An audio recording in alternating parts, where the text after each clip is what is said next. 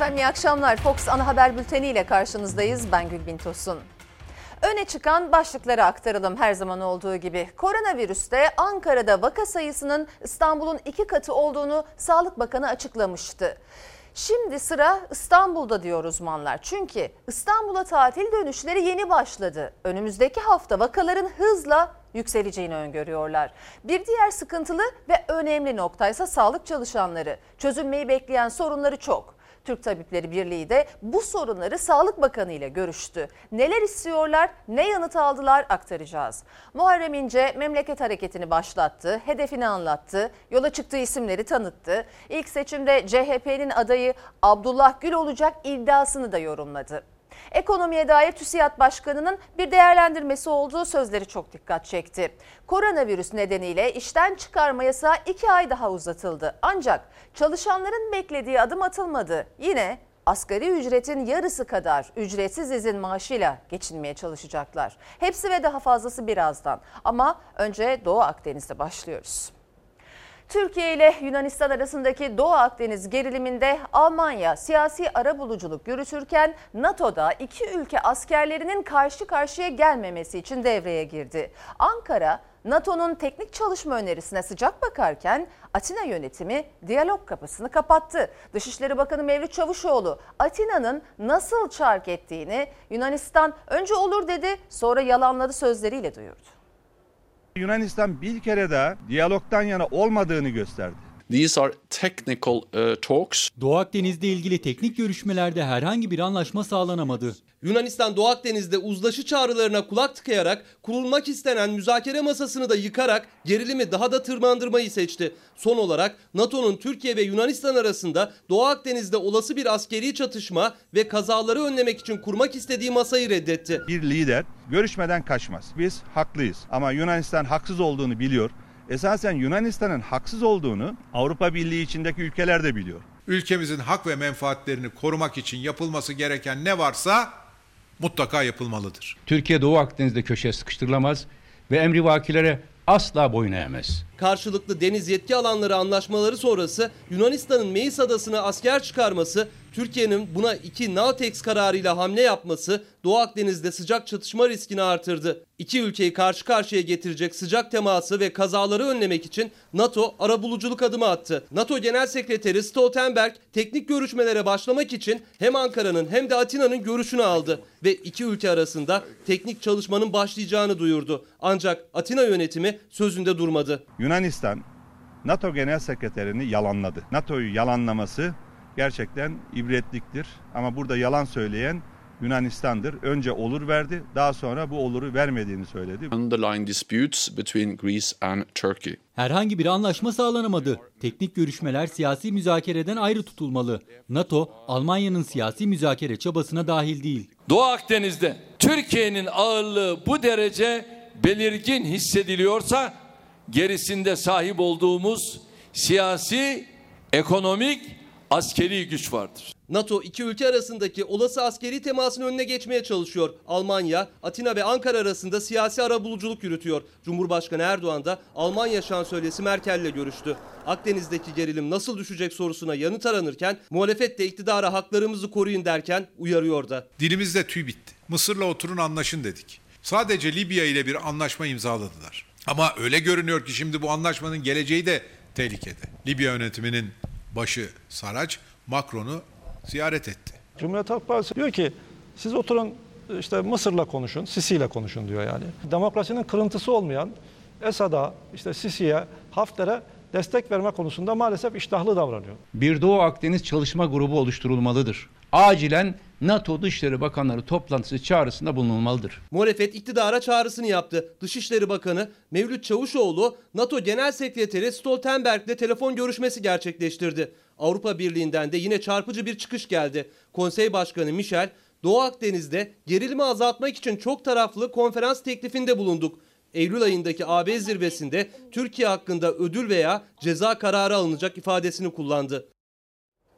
Sayın seyirciler bültenin başında aktarmıştım. Ankara'daki vaka sayısının İstanbul'un iki katına çıktığı açıklamasından sonra başkentte önlemler sıklaştırıldı. Ancak Bilim Kurulu üyesi Profesör Doktor Ateş Kara'dan bu kez de İstanbul uyarısı geldi. Kara önümüzdeki günlerde İstanbul'daki vaka sayısının da katlanması ihtimalini gündeme getirdi.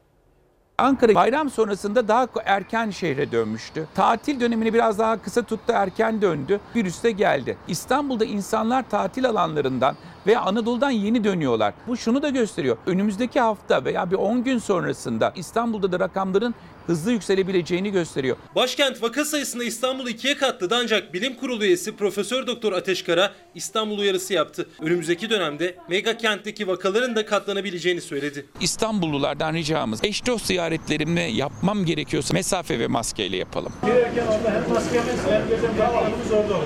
Bir de burnunuzun üstüne koyacaksınız. Yoksa bir anlamı yok maske takmanın.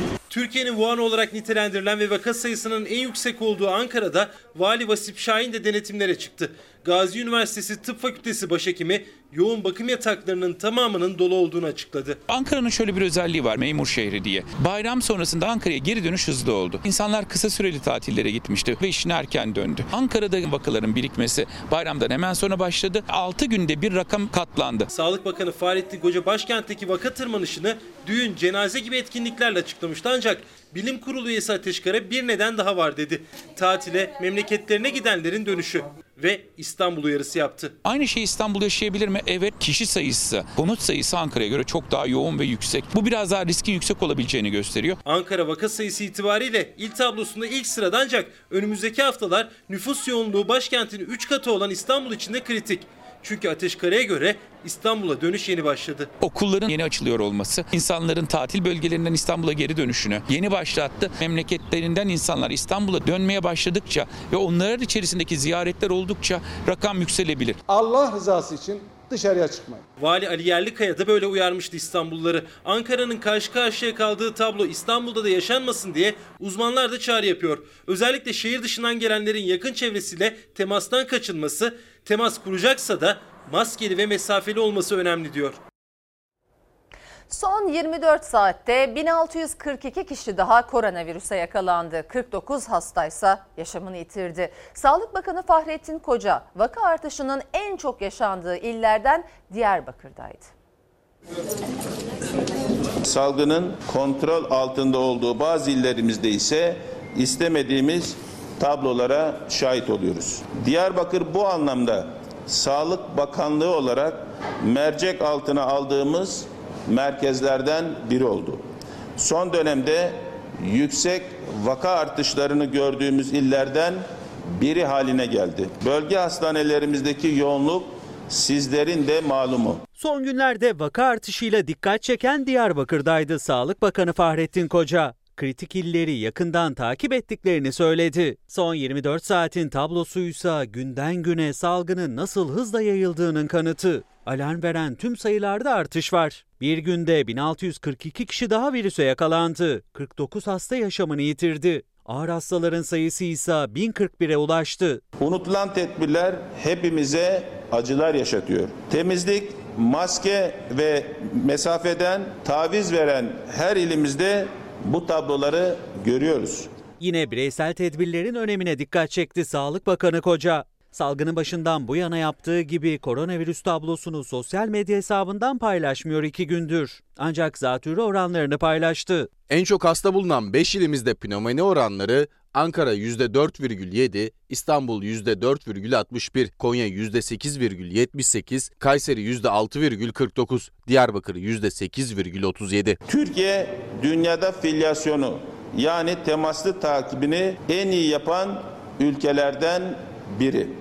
Bu gücümüzü Diyarbakır'da yoğun şekilde sahaya sürdük. 3 hafta öncesine göre vaka oranımız %49 oranında düşmüş durumdadır. %9'a yaklaşan zatürre oranının bulunduğu Diyarbakır'dan filyasyonun önemine dikkat çekti Bakan Koca. Ancak hala il il sayılar açıklanmıyor. Uzmanlara göre sağdan alınan verilerle Sağlık Bakanlığı'nın açıkladıkları arasında da uyumsuzluk var. Resmi verilere bakıyoruz. Arada öyle bir uyumsuzluk var ki Ankara, Konya, Karaman bölgesi 3 ilden oluşan bölgenin Rakamı günlük 390. Eğer günde Ankara'da 200 civarında bir vaka varsa toplamda hastaneler niye bu kadar yoğun? Çalar Saat'te İlker Karagöz'ün konuğu olan halk sağlığı uzmanı doçent doktor Cavit Işık Yavuz, acil önlem alınmazsa vaka sayılarının patlama yapabileceğini söyledi. Durumun çok ciddi olduğunu hepimizin çok iyi algılamamız gerekiyor. Şu anda Türkiye çok kritik bir noktada. Yani bir salgında geriye gidiyoruz. Şu anda biz çok etkin bir şekilde hem bireysel olarak hem de kamusal olarak önlemler almazsak önümüzdeki 3-4 hafta, 6-8 hafta içerisinde çok daha patlayıcı tarzda vakalarla karşı karşıya kalabiliriz. Çünkü bu hastalığın en önemli özelliği toplumsal bulaşıcılığı kontrol altına almazsanız patlayıcı tarzda bir yayılım göstermesidir. Yavuz'a göre kapasitesinin çok üstünde hizmet veren yoğun bakım servislerinde personel sıkıntısı da baş gösteriyor artık. Acil serviste yer açılmasını bekleyen korona hastaları olduğunu duyuyoruz. Yoğun bakım kapasitesini arttırmaya çalışan, yatak sayısını arttırmaya çalışan büyük bir çaba var. Personel ihtiyacı olduğu için Sağlık Müdürlüğü üniversitelerden bazı bölümlerden asistanları sahaya çekiyor. Meseleyi sadece hastane odaklı da düşünmemek gerekiyor. İçişleri Bakanlığı yine önceden haber vererek kapsamlı bir denetim gerçekleştirdi. En yoğun kontrolün yapıldığı toplu taşıma araçlarından yine tartışma ta- tartışmalı görüntüler geldi. Denetimlere katılan Kayseri valisi ise 80 yaşındaki bir koronavirüs hastasının son 3 günde 5 düğüne gittiğini açıkladı.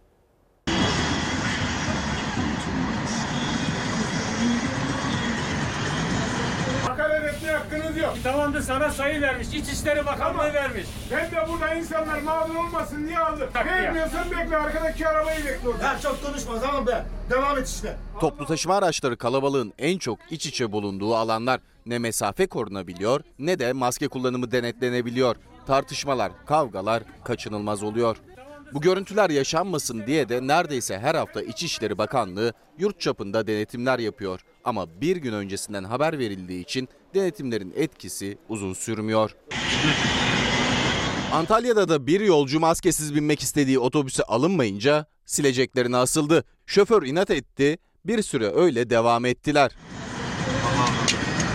Bir defa böyle bir Devam şey. et işte. Şoförler normalde böyle demiyor yani. Sadece toplu taşıma araçlarının içi değil, minibüs durakları ve yolcu bekleme alanları da ekipler tarafından denetleniyor. Sosyal mesafeye uyulması için çaba sarf ediliyor. Uymayanlar uyarılıyor. Lütfen sosyal mesafenize dikkat edin.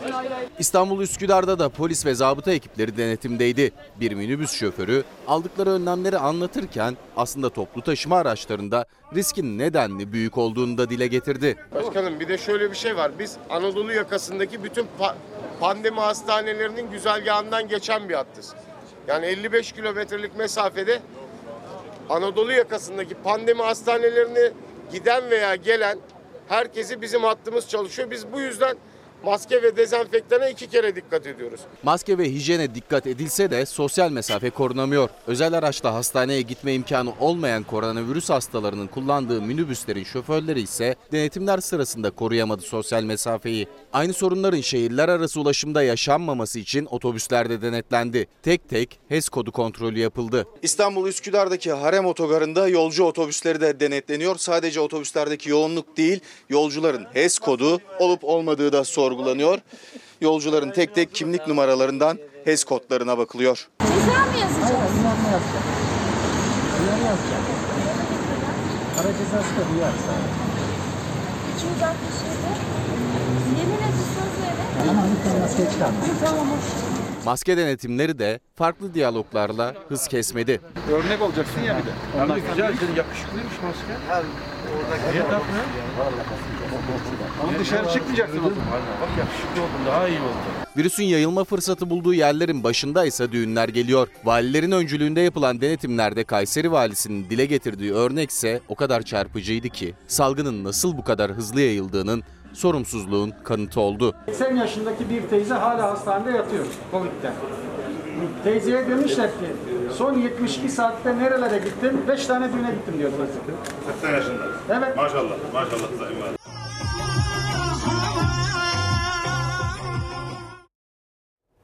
Türk Tabipleri Birliği ile Sağlık Bakanı arasındaki iletişim bir süredir kopmuştu. Doktorlar uzun süredir bakandan randevu bekliyordu. Sonunda o görüşme gerçekleşti. Son 8 günde 13 sağlık çalışanının yaşamını yitirdiği salgın şartlarının sağlıkçılar için ne kadar zor hale geldiğini anlattılar bakana. Yaptığımız görüşmelerde kendisine pandeminin geldiği son durumu, virüsün hızlı bir şekilde yayıldığını, korkarız ki salgının kontrolünün elden kaçırıldığı konusunda fikirlerimizi ilettik. Aylardır randevu taleplerine karşılık bekliyorlardı. Sonunda Sağlık Bakanı Fahrettin Koca Türk Tabipleri Birliği heyetini kabul etti. Doktorlar Bakan'a salgın kontrolden çıktı dedi. Açıklanan resmi verilerle sahadaki gözlemleri arasında uyuşmazlığı anlattılar. Sonra da çalışma koşullarının ne kadar ağırlaştığını. Bize gelen rakamların tabloda verilen rakamlardan tamamen farklı olduğunu söyledik. Sayın Bakan kendine göre bir takım açıklamalarda bulundu. Görüşmemizde de sağlık çalışanları ön plandaydı. En önemli gündem maddemizdi. Tarama testleri konusunda COVID-19'a ilişkin özellikle riskli alanlarda çalışanlara ilişkin bir çalışma yürütüleceğini, bir hazırlık yapılacağını paylaştık. Koronavirüse yakalananların sayısı hızla artarken sağlık çalışanlarının mücadelesi de zorlaşıyor her geçen gün. 8 günde 13 sağlık çalışanı daha virüse yenik düştü. Türk Tabipleri Birliği de sosyal medyadan ölümlere alışmak istemiyoruz paylaşımı yaptıktan sonra sorunlarını Bakan Koca'ya anlattı. O sorunlardan biri de aile hekimlerinin maaş kesintisiydi. Fahrettin Koca bir kez daha çözüleceğinin sözünü verdi. Aile hekimlerinin hastalandıkları zaman rapor aldıkları zaman maaşlarından kesilme oluyordu ve e, yaptığımız görüşme sonunda bunun en kısa zamanda halledileceğini öğrendik. Bu çok sevinç verici bir haber. Biz filyasyon çalışmalarında devrede olan pratisyen hekimlerimiz, sağlık çalışanlarımız, diş hekimlerimiz olmak üzere bir çalışma yapıldı. Bugün veya yarın yayınlanır. Filyasyonda olan sağlık çalışanlarımıza ek ödeme yapılıyor olmuş olacak. Pandemi krizinde 29 bin meslektaşımız genel sağlık çalışanı hastalanmış. Bunlardan yüze yakını hayatını kaybetmiş. Birçoğu da hastanededir. Diş hekimleri de ne yazık ki bu kötü tablodan payına düşeni almışlardır. Sağlık Bakanı Fahrettin Koca Diyarbakır'dan ek ödeme yapılacağını açıkladı. Ancak salgın döneminde çözülmeyi bekleyen sorunları çok sağlık çalışanlarının. İstanbul Diş Hekimleri Odası da bir bildiriyle taleplerini sıraladı. Filyasyon çalışmalarında yer alan, mevcut hastalarıyla da yakın temas kurmak zorunda kalan diş hekimlerinin ilk isteği koronavirüs sağlıkçılar için meslek hastalığı sayılması. Artık bir meslek hastalığı olarak kabul edilmeli. Covid-19'dan hayatını kaybedenler, Covid-19 sonucu çalışamaz konumda olan tüm sağlık personeli meslek hastalığı tanımlaması içine alınmalı ve bunun gereği yerine getirilmelidir. Meslektaşlarımızdan hayatını kaybedenler için bir takım düzenlemeler yapmak zorundasınız. Bu insanlar Covid ile savaşırken hayatlarını kaybettiler. Benzer talepleri dile getiren hekimlerden biri de Diyarbakır'da görev yapan Türk Tabipleri Birliği'nden Doktor Halis Yerlikaya'ydı. Özellikle Güneydoğu bölgesindeki vaka artışına defalarca dikkat çekti. O da koronavirüse yakalandı. Artan vaka sayılarına paralel olarak birçok sağlık çalışanı, hekim de enfekte olmuş durumda. Bu hekimlerden biri de benim. Tedavi sürecim şu anda evde devam ediyor. Genel durumum iyi ancak bizim kadar şanslı olmayan da çok sağlık çalışanı var. Sağlıkçılar giderek tükeniyorlar. Mersin'de işçi olarak çalışan epilepsi hastası Emirhan Kezer'in koronavirüs testi pozitif çıktı. Tedavi gördüğü hastanede hayatını kaybeden Kezer'in ölüm belgesine doğal ölüm yazıldı. Ailesi itiraz edince aynı belgeye bu kez Covid-19'dan öldüğü not edildi. Skandal CHP milletvekilinin açıklamasıyla ortaya çıktı. Kardeşimizin ölüm raporunda normal ölüm yazınca aile itiraz ediyor ve itirazların neticesinde bir doktor ıslak imzayla Covid-19 ölüm nedeni diye yazarak gerçekleri ortaya koyuyor. Covid-19 nedeniyle yaşamını yitiren hastanın ölüm belgesine doğal ölüm yazıldı. Aile hastaneye itiraz etti. Ölüm nedeni ıslak imzayla Covid-19 olarak değiştirildi. CHP'li vekil bakanlığın açıkladığı koronavirüs verilerinin doğru olmadığını öne sürdü. Burada bakanlığın verileri saklamasıyla alakalı en somut örnek de aslında raporla ortaya çıktı. Mersin'de yaşayan 37 yaşındaki epilepsi hastası Emirhan Kezer rahatsızlanınca Tarsus Devlet Hastanesi'ne kaldırıldı. Kronik hastalığı olmasına rağmen zorla çalıştırıldığı öne sürülen Kezer'in korona testi pozitif çıktı. Emirhan Kezer 31 Ağustos'ta hayatını kaybetti. Söyleyeceğim bir şey var mı Emir? Ölen kardeşimizin epilepsi hastası olmasına rağmen iş yerinde çalışmaya zorlandığı ve çalışırken Covid-19 vakasıyla karşı karşıya kaldığını, Covid-19 nedeniyle öldüğünü söylediler. Ailesi cenazeyi teslim almaya gittiğinde ölüm belgesindeki ifadeyi görünce şok oldu. Belgede Emirhan Kezer'in doğal yollardan öldüğü yazıyordu. Aile hastaneye itiraz etti. Ölüm nedeninin düzeltilmesini istedi. Aynı belge üzerine bu kez el yazısıyla hastanın Covid-19'dan öldüğü notu düşüldü. Kardeşimizin ölüm raporunda normal ölüm yazınca aile itiraz ediyor ve itirazların neticesinde bir doktor ıslak imzayla Covid-19 ölüm nedeni diye yazarak gerçekleri ortaya koyuyor. Skandalı kamuoyuna CHP Mersin Milletvekili Cengiz Gökçel duyurdu. Gökçel hem Emirhan Kezer'i zorla çalıştırdığı öne sürülen işverene hem de Sağlık Bakanlığı'na tepki gösterdi. Bu durumda gösteriyor ki gerçekten bakanlık gerçek verileri vermiyor, verileri toplumdan saklıyor. 81 ilde düğünlere getirilen kısıtlamalar nedeniyle peş peşe iptaller yaşanıyor. Bu da sadece düğünlere ev sahipliği yapan salonları ya da organizasyon firmalarını değil pek çok sektörü daha etkiliyor. Özellikle gelinlikçiler zor günler yaşıyor. İnsanların hayatının en güzel günlerine hitap ediyoruz. Şu anda hiç kimsenin yüzü gülmüyor.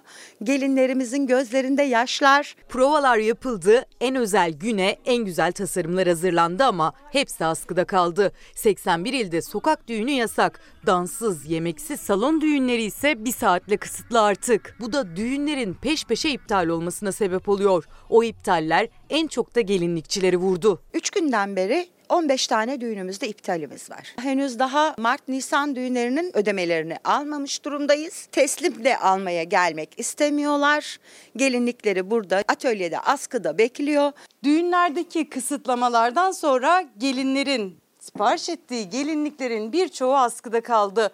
Burada yaklaşık yüzden fazla gelinlik var. Sadece gelinlik değil, kına kıyafetleri de askıda kaldı. Modacılar çalışmalarını sürdürüyor ama onlar da işler nasıl sonuçlanacak bilmiyor.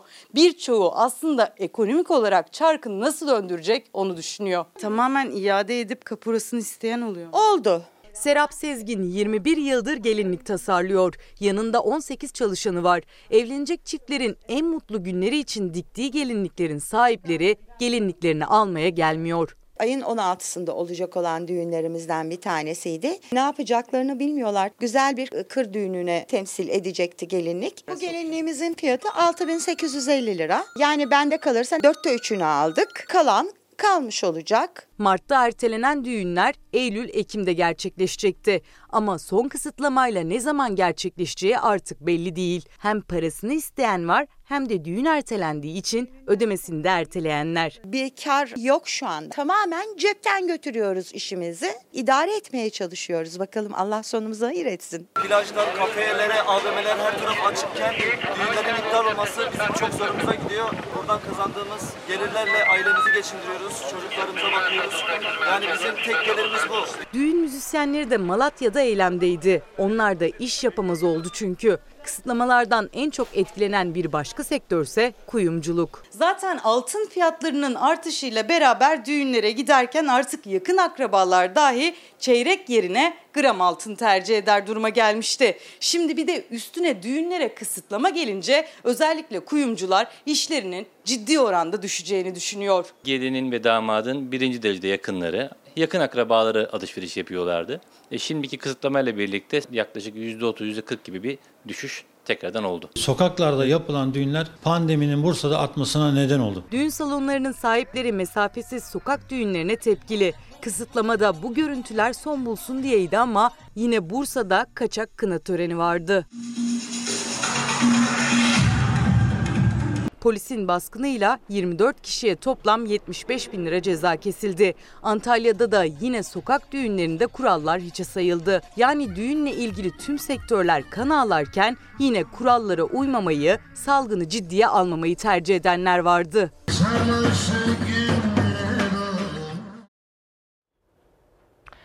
Sayın seyirciler bugüne ait koronavirüs tablosu açıklandı. Tartışılan turkuaz tabloda bugün veriler bu şekilde arkamda görüyorsunuz aktaralım. 4 Eylül 2020 test sayımız 117.113, hasta sayımız 1612, vefat sayımız 53, iyileşen sayımızda düşüş var 1021 dediğimiz gibi hasta sayısıyla iyileşen sayısı arasındaki fark yüksek. Tablonun bu tarafında ağır hasta sayısını çok dikkatle takip ediyoruz. Hep yükselişte oluyor. 1076 bugün ne yazık ki. Hemen dünkü verileri de görürsek karşılaştırma yapabileceğiz. Dün 110.225 test yapmışken e, bugün 117.113 testimiz var. Dün 1642 hastamız varken 1612'ye düşüyor.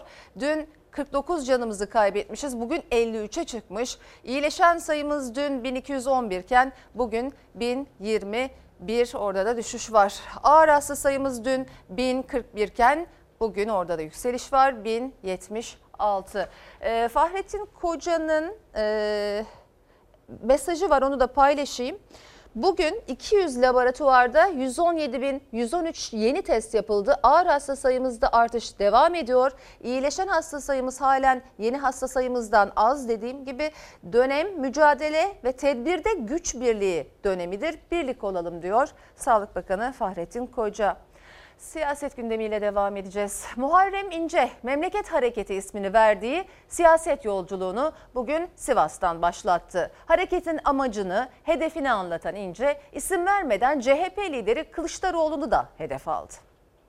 Biz memleket hareketi olarak ülkenin gidişatından kaygı duyanlarız. Tünelin ucundaki ışığı göstermek isteyenleriz. Puslu havayı dağıtmak isteyenleriz. Sivas Kongresi'nin 101. yılında memleket hareketini Sivas'tan başlattı Muharrem İnce. Ne iktidarı ne muhalefeti muhalif izleyerek. Biz bir muhalefet hareketi değiliz.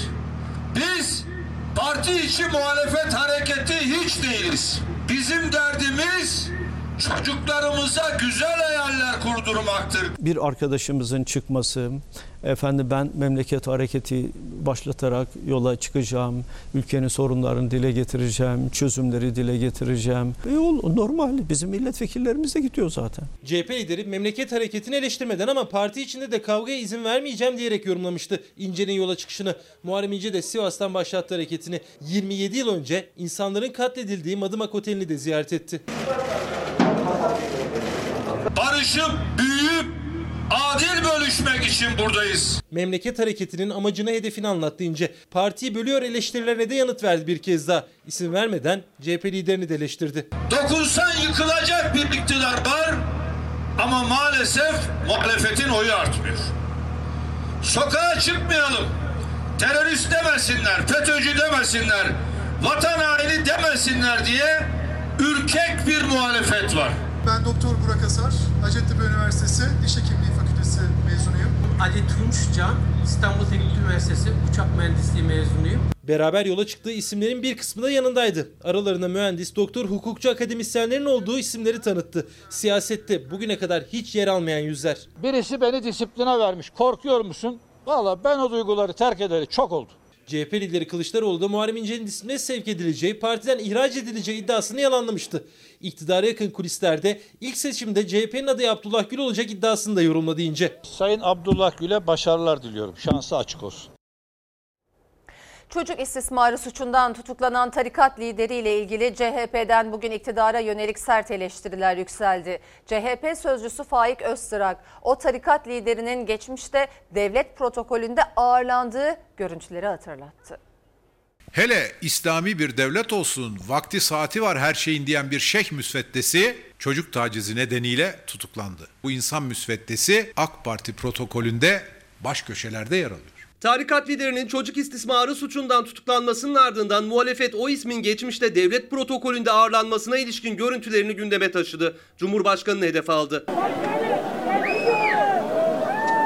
Müridinin 12 yaşındaki çocuğuna cinsel istismarda bulunduğu iddiasıyla tutuklandı. Uşaki tarikatı lideri Fatih Nurullah, Diyanet İşleri Başkanlığı da açıklama yaptı. Çocuk istismarıyla masum yavrularımıza uzanan şeref yoksunu hain ve zalim ellerle mücadele etmek hepimizin vazgeçilmez görevidir. Bakanlar, belediye başkanları yemeklerde bu zatla bol bol fotoğraf çektirmiş. CHP tarikat lideri çocuk istismarcısı Fatih Nurullah'ın eski Ankara Büyükşehir Belediye Başkanı Melih Gökçek'le fotoğraflarını hatırlattı isim vermeden. Tarikat liderinin devlet protokolünde ağırlandığını, 2015 yılında Cumhurbaşkanı'nın açılışını yaptığı Hacı Bayram Camii ve Çevre Düzenlemesi programı tarikat lideri protokol sıralarında. Sahte şeyhleri protokolde ağırlayan, keşke Yunan kazansaydı diyenlere saygıda kusur etmeyen Tayyip Erdoğan ve çevresi bu tinetteki insanlara cesaret veriyor. CHP Cumhurbaşkanı'na yüklendi. Sözcü Faik Öztrak, tarikat lideriyle ilgili bazı haberlere getirilen erişim yasağını da eleştirdi. Yargı da bu rezilliği yapanı değil, rezilliği duyuranları cezalandırmaya kalkıyor. Haberlere erişim engeli getirilerek halkın gerçekleri öğrenme hakkı engelleniyor. Muhalefet ekonomi üzerinden yine eleştirilerini hükümete yöneltti. Hükümetin işsizliği, artan pahalılığı artık yönetemediğini söyledi. Bir çıkışta TÜSİAD'dan geldi. TÜSİAD Başkanı sadece algı yönetimiyle ekonomik başarı olmaz dedi. Sosyete damadın ve kayınbabasının yönetiminde işi gücü olan 3 milyon 208 bin yurttaşımız işini kaybetti. Ben kısa vadede iktidarın ne işsizlik problemini ne döviz açığını bunların hiçbirisini çözeceğine inanmıyorum. Göremiyorum. Millet aç, gençler işsiz, halkımız perişan, beyler uzay ligine çıktık diye milletin aklıyla alay etmektedir. Muhalefet ekonomi özellikle de işsizlik üzerinden hükümete eleştirilerini yöneltirken bir çıkışta TÜSİAD'dan geldi. TÜSİAD Başkanı Simon Kaslowski'nin algı yönetimiyle ekonomi başarılı olamaz sözleri dikkat çekti. Algıyı iyi yönetmek güven sağlamak için çok önemli ancak algılar eninde sonunda gerçeklerle örtüşmek zorunda. Dolayısıyla sadece algı yönetimiyle ekonomik başarı olamaz. İhracat düşmüş, ithalat artmıştır. Bütçe rekor düzeyde açık vermektedir.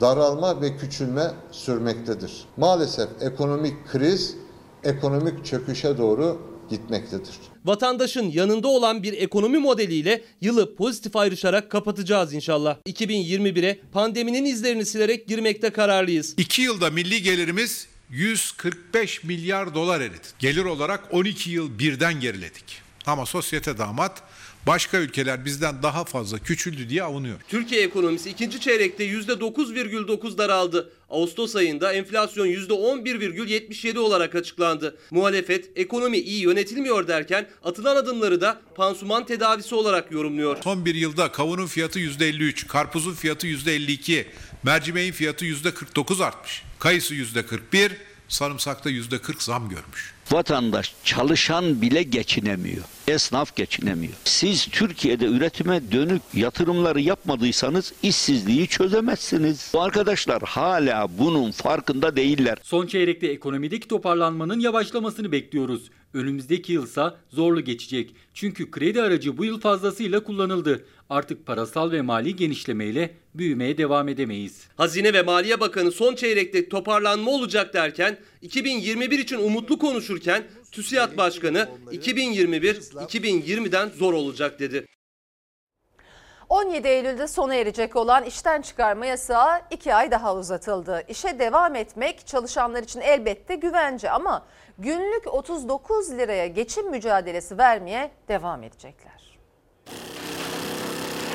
Milyonlarca işçi 2 ay daha günde 39 lira, aylık 1168 lira ile yaşamaya mahkum edildi. Sürenin uzamasıyla beraber mağduriyetler her geçen gün artmaya devam ediyor. Koronavirüs nedeniyle işten çıkarma yasağı 17 Eylül'de sona eriyordu. 2 ay daha uzatıldı. 17 Kasım'a kadar işçi çıkarmak yasak. Ancak sendikaların beklediği adım atılmadı. Sendikalar işten çıkarma yasağına karşı değil. Ancak ücretsiz izin maaşının artırılmasını istiyorlardı. O düzenleme yapılmadı. Çalışanlar asgari ücretin yarısı kadar ücretsiz izin maaşıyla geçinmeye çalışmaya devam edecek. Bütün işçilerin kısa çalışma ödeneğinden yararlanması sağlanmalı. Olmalı ve en düşük kısa çalışma ödeneği miktarı da en az asgari ücret düzeyinde olmalıdır. Kısa çalışma ödeneği de şartları uymayanın aldığı ücretsiz izin maaşı da asgari ücretin altında. Disk gibi Başkanlar Kurulu'nu toplayan Türk İş'in de talebi bu ödeneklerin en az asgari ücret kadar olmasıydı. Ancak süre 2 ay uzatılırken ödeneklerin miktarı sabit kaldı. Bir taraftan işten çıkarma yasağının birçok istisnası olduğu için işten çıkarmalar devam ederken diğer taraftan da bu düzenlemeyle 2 ay daha uzatılmış oldu. Çalışanların tek kaybı maaşları da değil. 220 ile 375 lira arasında değişen asgari geçim indiriminden de yararlanamıyorlar artık. En azından 1-2 haftalık mutfak masraflarını karşılanıyordu o parayla. Üstelik emeklilik hayalleri de ücretsiz izinde geçirdikleri her ay daha da uzaklaşıyor. Çalışanlar bu agiden de yararlanamıyorlar. Adlarına prim yatırılmaz. Emeklilik için gün sayan kişilerin emeklilik primleri ödenmez. Bu nedenle emeklilikleri de uzamış olur. Üstelik çalışan bu maaşla geçinemeyeceği için işten ayrılmak isterse tüm haklarından vazgeçmek zorunda. 1168 lirayla ben geçinemiyorum diyecek, işten ayrılacak, istifa edecek. İşveren tazminatlı dahi işten çıkartamıyor, işten çıkartmalar yasak. İşten çıkmak isteyen personel de tüm yasal haklarını, tazminatlarını bırakarak işten ayrılmak zorunda. İstanbul'da 12 Haziran'da kapısına kilit vuran bir özel okulun öğretmenleri geçen yıldan bu yana alamadıkları maaşları için mücadele ediyor. Üstelik tazminatlarını da alamadan işsiz kaldıklarından salgın dönemi onlar için çok daha zor geçiyor. Temmuz 19'dan sonra gecikmeler başladı. Ocak ayına kadar bu bu şekilde devam etti. Ocak ayı maaşını hatta 4 taksitte aldık. Benim e, yaklaşık 30 bin liraya yakın alacağım var. Vicdanımız söz konusuydu, çocuklar söz konusuydu. Biz işimize bir şekilde devam ettik. Maaşlarımızı alıp yolumuza devam etmek istedik ama bu da mümkün olmadı. Bunun üzerine de işsiz kaldık. Önce maaş alamadılar, sonra tüm gün çalıştıkları halde yalnızca kısa çalışma ödeneği aldılar. Alacakları biriken maaşlara rağmen bütün özverileriyle çalışmaya devam eden öğretmenler sonunda bir de işsiz kaldı. Okul yönetimi haklarınızı en geç Temmuz ayında vereceğiz demişti ama öğretmenler hala maaşlarını alamadı. Eğitim öğretim yılı bitene kadar işte ödeyeceklerini hep söylediler ama e, 30 Haziran'da sadece biz e, velilere de atılan bir maille öğrendik bunu. İstanbul Ataşehir ve Beşiktaş'ta kampüsleri bulunan özel okul 2018'de kuruldu. 2019 Temmuz ayı itibariyle öğretmen ve yönetici maaşları geç yatmaya başladı. Öğretmenlerin iddiasına göre Ocak ayındaysa iki kampüste de maaş ödemeleri tamamen durdu. Nisan'dan itibaren okul kısa çalışma ödeneğine başvurdu. Fakat bizler e, pandemi döneminde online olarak tam zamanlı olarak çalışmaya devam ettik. Bu özel okulda çalışan öğretmenler uzun süre maaşlarını alamadılar. Çok kısa bir süre içinde kısa çalışma ödeneğinden faydalandılar ama aslında bu süreçte de tam gün çalışmaya devam ettiler. Asıl şokuysa yaz tatiline bir hafta kala yaşadılar. Çünkü okulların kapanmasına bir hafta kala okul yönetimi okulu tamamen kapatma kararı aldı. 12 Haziran'da okulun kapanacağına dair karar öğretmenlere e-posta yoluyla bildirildi. Ödemelerin de Temmuz ayında yapılacağı söylendi. Ancak ne kalan maaşlarını alabildiler ne de tazminatlarını. Sözleşmeleri Ağustos sonuna kadardır.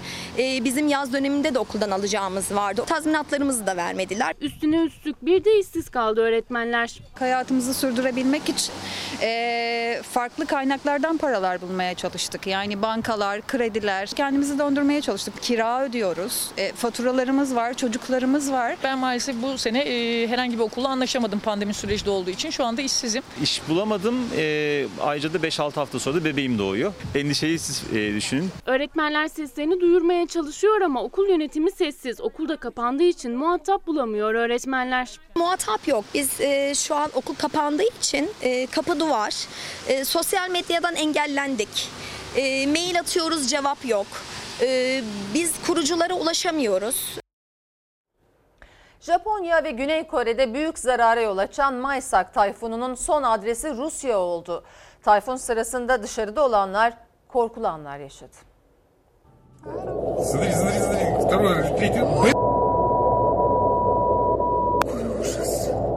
Tayfunda çatıdan kopan plaka kadına çarptı.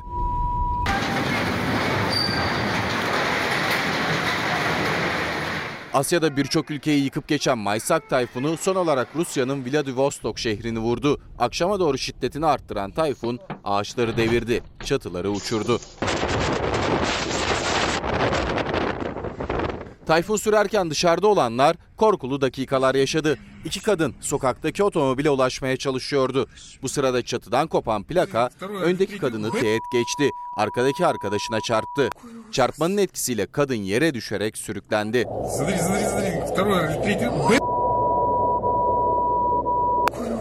Bir süre sonra ayağa kalkan kadın uzun süre kendisine gelemedi. Tayfun şehirde büyük zarara yol açtı. İhale sonradan yapıldı. İşlet devlet modeli miydi? 50 kişi araya şu anda şu İsmi bekliyor muydunuz? Numan Bey, kısa bir sorumuz olacak. İddialar var. Doğru mudur efendim? Sayıştay raporları ile ilgili bir sorumuz olacaktı. SGK Havasına, suyuna, taşına, toprağına. Barış Kaya Fox TV birkaç tane şehit ifadenize muhalefet tepki gösteriyor efendim. Fox önce gazete olsun. Erken genel seçim değil mi efendim? Yanlış. Siz Fox olarak hiçbir şeyi doğru anlamıyorsunuz. Sizin sorunuza da cevap vermek istemiyorum. Usandırdınız artık. Beril Oğuz e, Fox televizyonundan Kırmızı Bülten'de aranan e, Abdullah Öcalan'ın kardeşi Osman Öcalan'ın devlet televizyonunda TRT'ye verdiği röportajı nasıl değerlendiriyorsunuz efendim? Doğrusu ben Osman Öcalan'ın kırmızı bültenle arandığını bilmiyorum. Haberciliğin birinci şartı soru sormak. Bir sorumuz olacak. Hayır, Proje hayır, okullarla hayır, ilgili. hayır, hayır, hayır, hayır, hayır. Biz de ona diyoruz ki Sayın Bakan evet evet evet evet projenin sınıfta kaldı. Veteriner yazıyor ama burada var mı veteriner? Veteriner şu an burada yok. el sıkışıyorsunuz. El sıkışmak yasak aslında. Cesaretle hiç vazgeçmeden Sayın Bakanım, SMH hastası. Müsaade edin şu toplantıyı. Sayın Bakan, Sayıştay raporları ile ilgili bir sorumuz olacaktı. SGK raporu hazırlandı. Bir yanıtınız olacak mı? Bakanım aklıma bir soru takıldı. Dünden beri çok yürürken ama. çalışma Bak şu anda kepçeler orada Tamam. duruyor. Fox habercileri yıllardır halkın merak ettiklerini halk adına sorabilmek için sahada. Şu anda- şu Yaptığınız anda açıklamaya müsait değil. istinaden Sonra, e, sonra. yap işlet devlet modeli mi daha uygun otoyol ve köprüler için? Pardon bir dakika. Cevap veriyor bakan. Numan Bey, kısa bir sorumuz olacak. Salona geç. Şu anda. Beyefendi ne yapıyorsunuz? Ne yapıyorsunuz? Ne yapıyorsunuz? Kılıçdaroğlu'nun bana ismini aklındaki adı söylemişti dediğiniz isim. Yok esasında şimdi öyle bir şey yok da. Beşten sonra da alacaklar mı evrak? Bir onu sorar mısınız? Hanımefendi 5'ten sonra alınacak mı evrak? Hayır 5'e kadar evrak alacak. Gerçekler ortaya çıktı. Duyulamayanlar, görülemeyenler Fox kamerası ve mikrofonuyla milyonlara ulaştı. Uzatsa işi karıştıracağız. En azından kapattım böyle. Kars'ta kanser hastaları da mağdur. Kars'tan Bursa 6 ayda bir Bursa'ya götürüyorum. Yaptığım haberleri de yayınlayabilecek özgür ve cesur bir haber merkezinde Doğan Şentürk yönetimindeki Fox Haber'de çalıştığım için de ayrıca çok şanslıyım. Bir sorumuz olacaktı bizim. Geçtiğimiz günlerde Et Süt Kurumu bir ihale açtı. Bir gün süreyle 300 liralık bir et. Çok özür dilerim. Çok üzüldüm. Çok üzüldüm. Sayın Bakanım. Ay bakan dinlerken araya giriyorsunuz. Bunlar çok ıvır zıvır işler. 100 bin liralık ihale. Ne olacak? Ama ihale sonradan yapıldı diye. Sonradan yapılsa ne olur? Bu sizin yaptığınız gazetecilik değil maskaralıktır. Fox Haber deneyimli, cesur, vicdanlı, bağımsız kadrosuyla ve Türk halkından aldığı güçle perdeleri açmaya devam ediyor. En büyük ödülün gerçeklerin ortaya çıkması olduğunu bilerek ilkelerinden hiç vazgeçmeyerek Terör örgütü olarak da görmüyorsunuz. Şimdi bu klişe soruları bence Evet. bir tarafa bırakalım. Siz bunu okuduğunuzda doğrudur dediniz mi? Evet. Yani Erdoğan şunu çağırmıştır, bununla görüşmüştür. Yok yani özel bir tahminde bulunmak istemiyorum ama doğrudur yani. Ben Selçuk Tepeli. Fox Ana Haber'de haberin kalbindeyiz. Hafta içi her akşam 19'da Fox Ana Haber'de beraberiz. Buradayız. Vicdanınızın sesiyiz. Aklınızdakileri soruyoruz. Her söylenene inanmıyoruz. Acaba diyoruz, sorguluyoruz. Kimseden korkmuyoruz, kimseden çekinmiyoruz, saklamıyoruz. Haberciyiz, işimizi yapıyoruz.